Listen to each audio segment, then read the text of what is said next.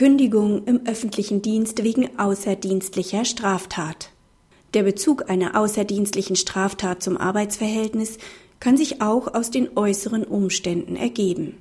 Der Arbeitnehmer, dessen Arbeitsverhältnis dem Tarifvertrag öffentlicher Dienst unterliegt, ist als Straßenbauarbeiter bei der Arbeitgeberin beschäftigt.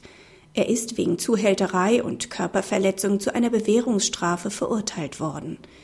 Im Laufe des Strafverfahrens hat er angegeben, den Tatentschluss aufgrund der geringen Bezahlung bei der Arbeitgeberin gefasst zu haben, da er zusätzliche Einnahmen benötigt habe. Die Presse hat über den Prozess und das Motiv des Arbeitnehmers berichtet. Nach Anhörung des Personalrats spricht die Arbeitgeberin eine ordentliche Kündigung wegen der groben Verletzung arbeitsvertraglicher Pflichten aus. Der Arbeitnehmer erhebt Kündigungsschutzklage. Die Klage bleibt in allen Instanzen erfolglos.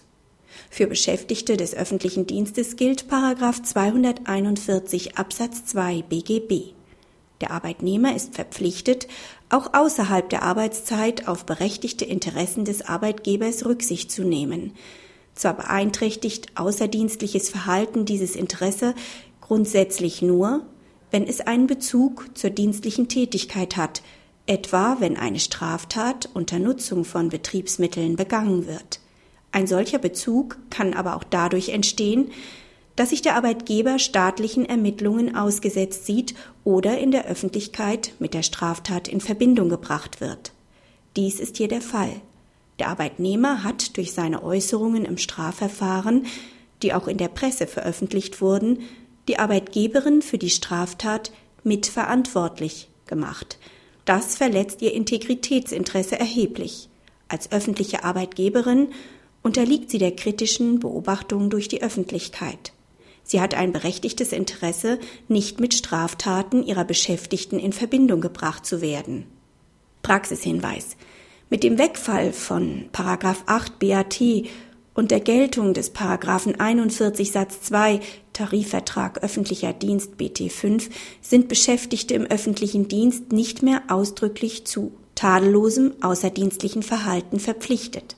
Aus Paragraph 241 Absatz 2 BGB folgt jedoch die Pflicht, Rücksicht auf die Interessen des Arbeitgebers zu nehmen.